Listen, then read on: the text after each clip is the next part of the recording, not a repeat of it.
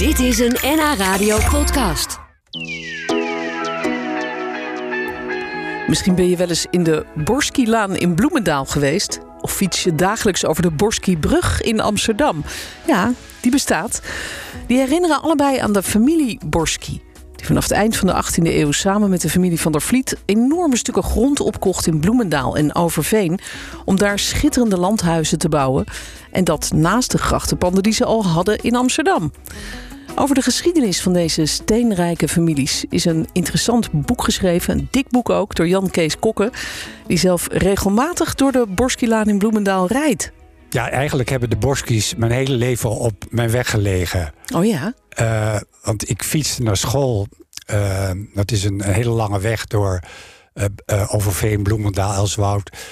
En links en rechts lagen de landgoederen en landhuizen van de Borskies en van de Van de Vlieten. En ik, fiets, ik fietste van Bloemendaal naar Zandvoort naar Bloemendaal aan zee, over de zeeweg, dwars door de duinen. Die kennen we allemaal, denk ik, als we een dagje naar het strand willen. En Staan dan daar realiseer je niet dat links en rechts, uh, dat hele duingebied, de Kennemerduinen, dat was allemaal bezit van de Borskies en van de Vlieten. En pas veel later uh, ben ik mij gaan afvragen... Uh, wat waren dat eigenlijk voor mensen? Wie woonde in die prachtige landhuizen? Ehm, ik las iets uh, van de dichter Potgieter. En Potgieter die schreef dan uh, over zijn vrijwel dagelijkse wandeling... waarbij hij de poort van Elzout passeerde. En dan zei hij, eens ga ik nog eens een roman schrijven over de Borskies. Nou, die roman is nooit gekomen. Nee, wat gek uh, eigenlijk. Maar nu wel dit boek. Ja, en dat is toch een beetje een gevoel van Downton Abbey in de duinen, toch? Als je het zo allemaal bij nou, elkaar... ja, die, die families die, die, die leefden natuurlijk op zeer grote voet... met heel veel personeel. Uh, hadden uh, prachtige stallen. En ja, het was toch een beetje die sfeer die je wel eens in Downton Abbey ziet, ja. Ja, mooie jurken, mooie huizen. Ja, en, ja, een, en, en een, enorme diners. Uh, veel personeel ook? Heel veel personeel hadden ze, ja. En dat was in die tijd natuurlijk gebruikelijk. Kijk, Bloemendaal was een heel klein dorp en daar woonden niet zoveel mensen.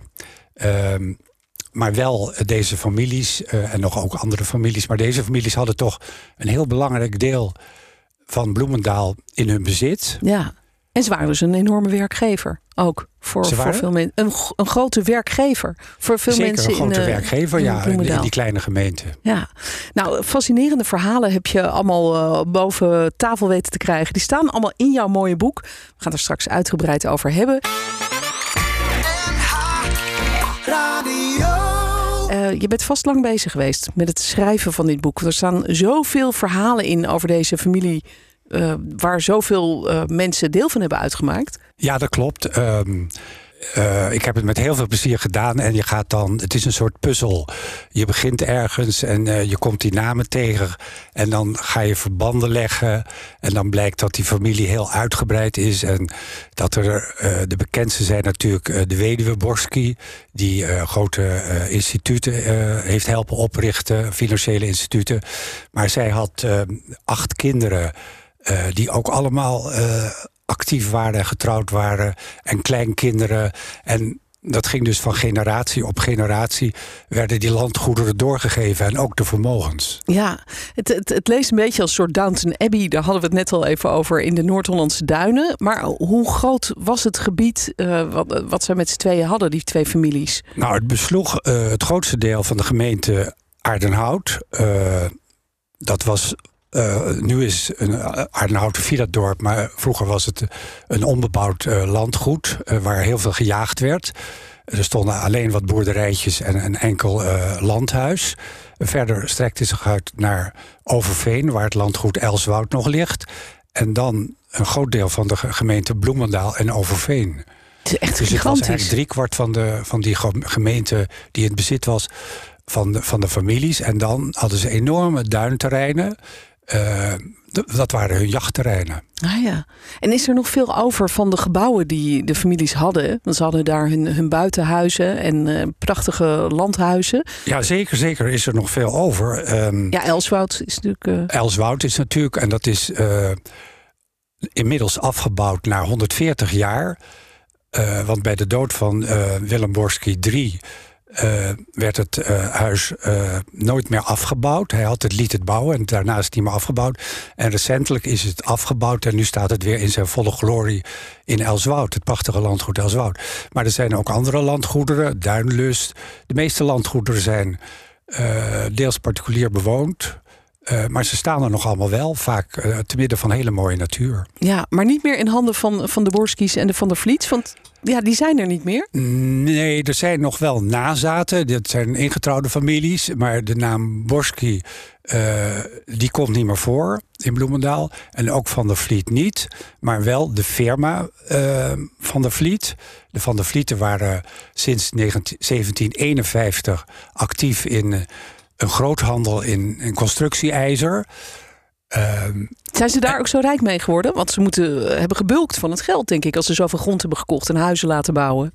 Ja, um, die constructieijzer. Uh, het, het, was in het begin van de ijzeren eeuw. En toen werd er steeds meer ijzer gebruikt in de spoorwegen, aanleg van bruggen, ah, aanleg van schepen. En zij leverden uh, heel veel van dat constructieijzer aan die opkomende industrieën. Um, en ze hebben dat heel goed bestuurd, die firma. Ging van generatie tot generatie over. De laatste van de Vliet heeft hem verkocht uh, in 1940. Uh, maar de firma bestaat nog steeds uh, in Nieuwegein. Hij heet Vliet Jonge. En ze zijn nog steeds, ze doen hetzelfde wat ze in 1751 deden. Dat is de handel in constructieijzer. Ja, ja, wat bijzonder eigenlijk. Maar die van de Vliet zelf zijn er niet nee, meer? Nee, het is, het is in andere handen overgegaan. Het is nog enige tijd onderdeel van Tata Steel en Heugst. En nu is het uit, uh, een aantal jaar geleden is het door het management uitgekocht. En die hebben het voortgezet. Ja, die... Maar die hebben geen band meer met de Van der Vlieten. Nee, nee, want die Van der Vlieten zijn er eigenlijk niet meer. Er zijn nog wel nazaten, maar niet meer met de naam. Nee. Uh, dat geldt ook voor de Borskies. Hoe, hoe, kwamen die Borskies aan hun geld? Hoe waren zij zo rijk geworden? Uh, de Borskies uh, zijn aanvankelijk rijk geworden in, met de handel in geld en waardepapieren. Um, en dat, dat was die firma, de Weduwe Borski, die is van generatie op generatie voortgezet. Uh, die werkte veel samen met, uh, heel internationaal werkte ze. Ze maakte ook heel veel reizen, al toen al in de 18e, 19e eeuw. Uh, ze werkte met Russische, het Russische Hof, daar financierde ze financierde ook wel oorlogen. ze werkte heel veel samen met Engelse banken. Uh, Franse banken. Ze waren dus heel internationaal. Ja, dus de Van der Vliet staat in het ijzer, even kort samengevat, en de Borskies in, uh, in, in, de, in, de, in, de, geldzaken. Uh, hoe kwamen die twee families, raakten zij met elkaar vervlochten? Dat heeft natuurlijk Door, een huwelijk veroorzaakt. Maar... Afgezien van het feit dat de, de, de eerste Borskies vestigden zich in Bloemendaal rond 1800 op Elswoud. Maar korte tijd later vestigden ze zich uh, de eerste van de Vliet, in, ook in Bloemendaal. En die kocht een groot landgoed, Hartelust, een enorm landgoed. Um, en die families raakten, hadden, maakten kennis met elkaar in Amsterdam op hun sociëteiten. En daar zijn verschillende, twee huwelijken tussen een Borski en Van der Vliet uit voortgekomen. Oh ja. En vandaar die verwevenheid van die familie. Ook zakelijk trokken ze veel op. Ze participeerden samen ze waren bijvoorbeeld beide families waren belangrijke bestuurders en investeerders, investeerders in de eerste spoorwegen, de Hollandse uh, IJzeren Spoorwegmaatschappij. Ah, Ze investeerden ook samen in andere uh, ondernemingen, uh, jonge ondernemingen die toen opkwamen. En ze gingen natuurlijk samen op jacht op hun landgoederen. Ja, daar hadden ze ze natuurlijk ook voor. Lekker ontspannen in het weekend door te jagen. Op je eigen, in je eigen gebied eigenlijk. Ja. Ja, en er werd, uh, ja, maar? Eh, ze, ze joegen niet alleen op klein wild, want groot wild zat er natuurlijk niet in de duinen. Maar in die tijd was de vinkenjacht ontzettend belangrijk. Alle landgoederen hadden een vinkenbaan. En die vinkensport die werd ontzettend serieus genomen. Er werden allerlei tabellen van en statistieken van bijgehouden. Um, en dat was ook een soort relatie. Uh, uh, ze nodigden vaak relaties uit op hun landgoederen. En dan gingen ze samen op vinkenjacht. Ja, een beetje zoals nu mensen zouden worden gevraagd van laten we gaan golven samen. Precies. En dan, uh, ja. Uh, toevallig heeft een van de, van de Vlieten heeft ook een golfclub opgericht. Oh. Uh, niet in hun eigen duinen, maar wel in de omgeving van Zandvoort. dat was een van de eerste golfclubs in Nederland. Oh, en die gol dat ja. golven hadden ze ontdekt in Engeland. Want daar gingen ze jagen. Maar die landgoedeigenaren die gingen ook al golven daar. En zo kwamen ze in contact met de golfsport en die brachten ze naar Nederland. Oh, zo. Die families waren ongekend rijk en uh, werkten in Amsterdam vaak in een grachtenpanden. Dan gingen ze lekker in het weekend gingen ze naar hun buiten in Bloemendaal. Hoe, hoe luxe, luxe, was het daar in die buitenhuizen? Um, ja, in die tijd was het heel luxueus. Um, ze gaven enorme diners. Um, de huizen waren prachtig. Ze huurden de uh, bijzondere architecten in, uh, zoals bekende architecten in die tijd. En ze lieten die prachtige huizen bouwen. Ja, hoe lagen zij bij de lokale bevolking? Want ze, ze, ze, ze verzorgden wel werkgelegenheid natuurlijk. Want er konden mensen werken in die huizen. En ja, die enorme hadden, tuinen moesten worden onderhouden natuurlijk. Ze hadden tuinlieden in dienst. Ze hadden persoonlijke bedieners in dienst. Ze hadden uh, dienstmeisjes in dienst. Ze hadden ongelooflijk veel personeel. Ja, en waren ze populair, geliefd?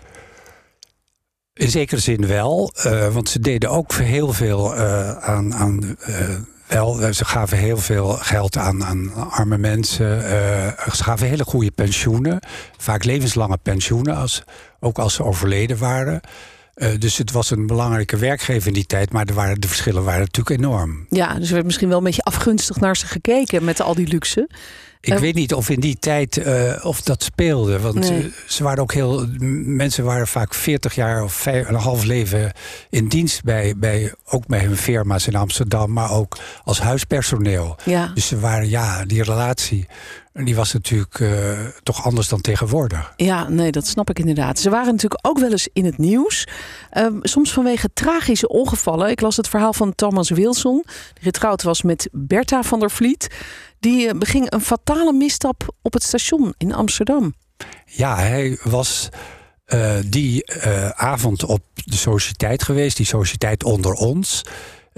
daar waren heel veel van de Vlieten waren lid van die sociëteit en nog steeds uh, nazaten zijn daar lid van. Het is de oudste sociëteit van Amsterdam. Een heel bijzondere uh, sociëteit, zeer besloten. En zeer we heel weinig mensen zullen hem kennen. Want als je de Kalverstraat inloopt, zie je alleen maar winkels. Maar in het begin zie je één pand met gesloten gordijnen. En daar zit nog steeds de sociëteit onder ons. Oh. Opgericht in de tijd door een Van der Vliet. Oh, dus dat kunnen we nu nog bekijken. Wat grappig. Maar deze Wilson die kwam dus van die sociëteit. En die ging nog later naar restaurant Ries. Dat was ook opgericht door Willem van der Vliet, een, een, een verre oom van hem. Uh, dat was in die tijd het meest luxueuze restaurant van Amsterdam. Daar ging hij nog eens uit, uitvoerig eten. En toen is hij ja, waarschijnlijk in lichte staat op de trein gestapt en is een misdaad ge, uh, gemaakt en is verongelukt. Een misstap. Uh, misstap. Hij, ja, hij, hij miste de treeplank. Ja. Oh, dus dan kwam je heel akelig aan zijn einde. Precies. Denk ik zo. Ja, ja, ja. Oh, en zijn zoon, die, daar liep het ook al niet goed mee af? Een, zoon is ook verongelukt met, met de auto in Amsterdam. Ja, er, er speelden zich ook veel drama's af in die familie. Net als in Downton Abbey natuurlijk. Ja, ja. Want er was, de, de, op Duinlust woonde uh, de familie van der Vliet Borski. Dus het was een aangetrouwd met elkaar. Die hadden negen kinderen. Uh, die waren dat was fantastisch uh, uh, ontworpen, dat gebouw. Maar er speelden zich verschrikkelijke dingen daar af. Want vier van die zonen die zijn allemaal op jonge leeftijd op tragische wijze omgekomen. Oh, wat Eentje schoot zich met een geweer door zijn hoofd. Uh, de ander die, die, voor ongeluk, die kreeg een, een ziekte. Alle vier mannelijke nazaten zijn op jonge leeftijd overleden. Jeetje. De meest tragische was Willem Borski 3. Waarom was hij zo tragisch? Willem Borski III uh, nam de zaken van uh, zijn vader en grootvader over. Hij liet op Elswoud een nieuw huis bouwen. De familie woonde al van generatie op generatie op Elswoud. Hij besloot een nieuw huis daar te, te laten bouwen. En hij had in, in Engeland had hij prachtige landhuizen gezien tijdens zijn jachtpartijen daar. En hij dacht, ik wil ook zo'n mooi huis. Ja. Maar tijdens de bouw hij, leed aan allerlei ziektes en liet zich dan behandelen in, in Duitsland, maar ook wel in Zuid-Frankrijk. Terwijl hij lag te bekomen van een ziekte in Zuid-Frankrijk, in zijn hotelkamer, overleed hij daar. De bouw van het huis werd stilgelegd. Uh, heeft ongeveer 140 jaar is het huis eigenlijk nooit afgebouwd volgens de oorspronkelijke tekeningen van Muiskens. En sinds kort is het huis nu helemaal gerestaureerd in de staat zoals het ooit bedoeld was. Ja, ja. Ja, dus dat heeft hij zelf nooit meer meegemaakt. Er, er, was natuurlijk ook een zwart schaap. Dat, dat heb je in iedere familie. Maar dat was Jan van der Vliet. Die, die gooide de broer van zijn minnares van de trap. Heb ik dat goed begrepen? Ja, Jan van der Vliet was nogal een avonturier. Uh, en op, die had een bijzit in Amsterdam op een bovenwoning. Op een gegeven moment uh, ging hij weer op bezoek bij zijn bijzit en trof daar een matroos aan. Uh, hij dacht, dat is een concurrent. En hij schopte hem van de trap en de man overleed. Zo. het bleek niet. wat de matroos was een broer van zijn bijzit. Ach. Het was, helemaal geen, oh, het was helemaal geen concurrent. Het was gewoon familie. Hij naar het buitenland gevlucht en heeft een enorme reis gemaakt langs de Nijs, langs de Nijl. En is na geruime tijd weer teruggekomen. En werd toch nog steeds achtervolgd in die tijd.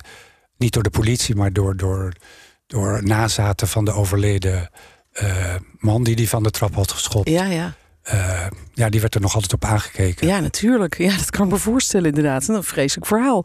Nou goed, er staan gelukkig ook heel veel hele leuke verhalen in. Bijvoorbeeld over Olga van der Vliet, die uh, fantastisch kon schaatsen, kunstschaatsen. Samen met haar Zwitserse man waren ze vaak op de Haarlemse ijsclub aan de Kleverlaan bezig. Ja, dus die waren op een positieve manier in het nieuws. En ik vroeg me steeds maar af, terwijl ik zat te lezen, wat is er eigenlijk uiteindelijk? Want ze leven allemaal niet meer. Die zowel de Borskies als de Van der Vliet, zei je net al, die zijn, die zijn er niet meer. Die, die, die lijn is uitgestorven. Dus wat is er gebeurd met al dat geld eigenlijk? Wie heeft dat? Ja, de, toevallig sprak ik een neefje uh, van de aangetrouwde families. En die zei toch, uh, die zei ook, ja, waar is toch al dat geld gebleven? Ja. Um, ja, dat, het is heel lang is het in de familie gebleven, maar er kwamen op een gegeven moment zoveel werd het zoveel verspreid over zoveel verschillende familieleden. Er zijn nog steeds stukjes grond in Bloemendaal en, en bepaalde huisjes die nog in bezit zijn van nazaten aangetrouwde familie. Um, Er is een begraafplaats waar ze bijna allemaal nog uh, liggen begraven. Maar uh, ja, daar is ook niet veel leven meer in te bekennen, want uh, de graven zijn een beetje verwaarloosd. Ja. Ja, het is langzaam verloren gegaan. Zoals dat gaat. Ja, versnipperd geraakt eigenlijk. Versnipperd. Ja. Nou, het, het, het zijn in elk geval fascinerende verhalen die jij uh, boven tafel hebt gekregen in jouw mooie boek. Jan Kees Kokke, dank dat je hier was. Dankjewel. Leuk om te doen. Dit was een NH Radio podcast. Voor meer, ga naar nhradio.nl NH Radio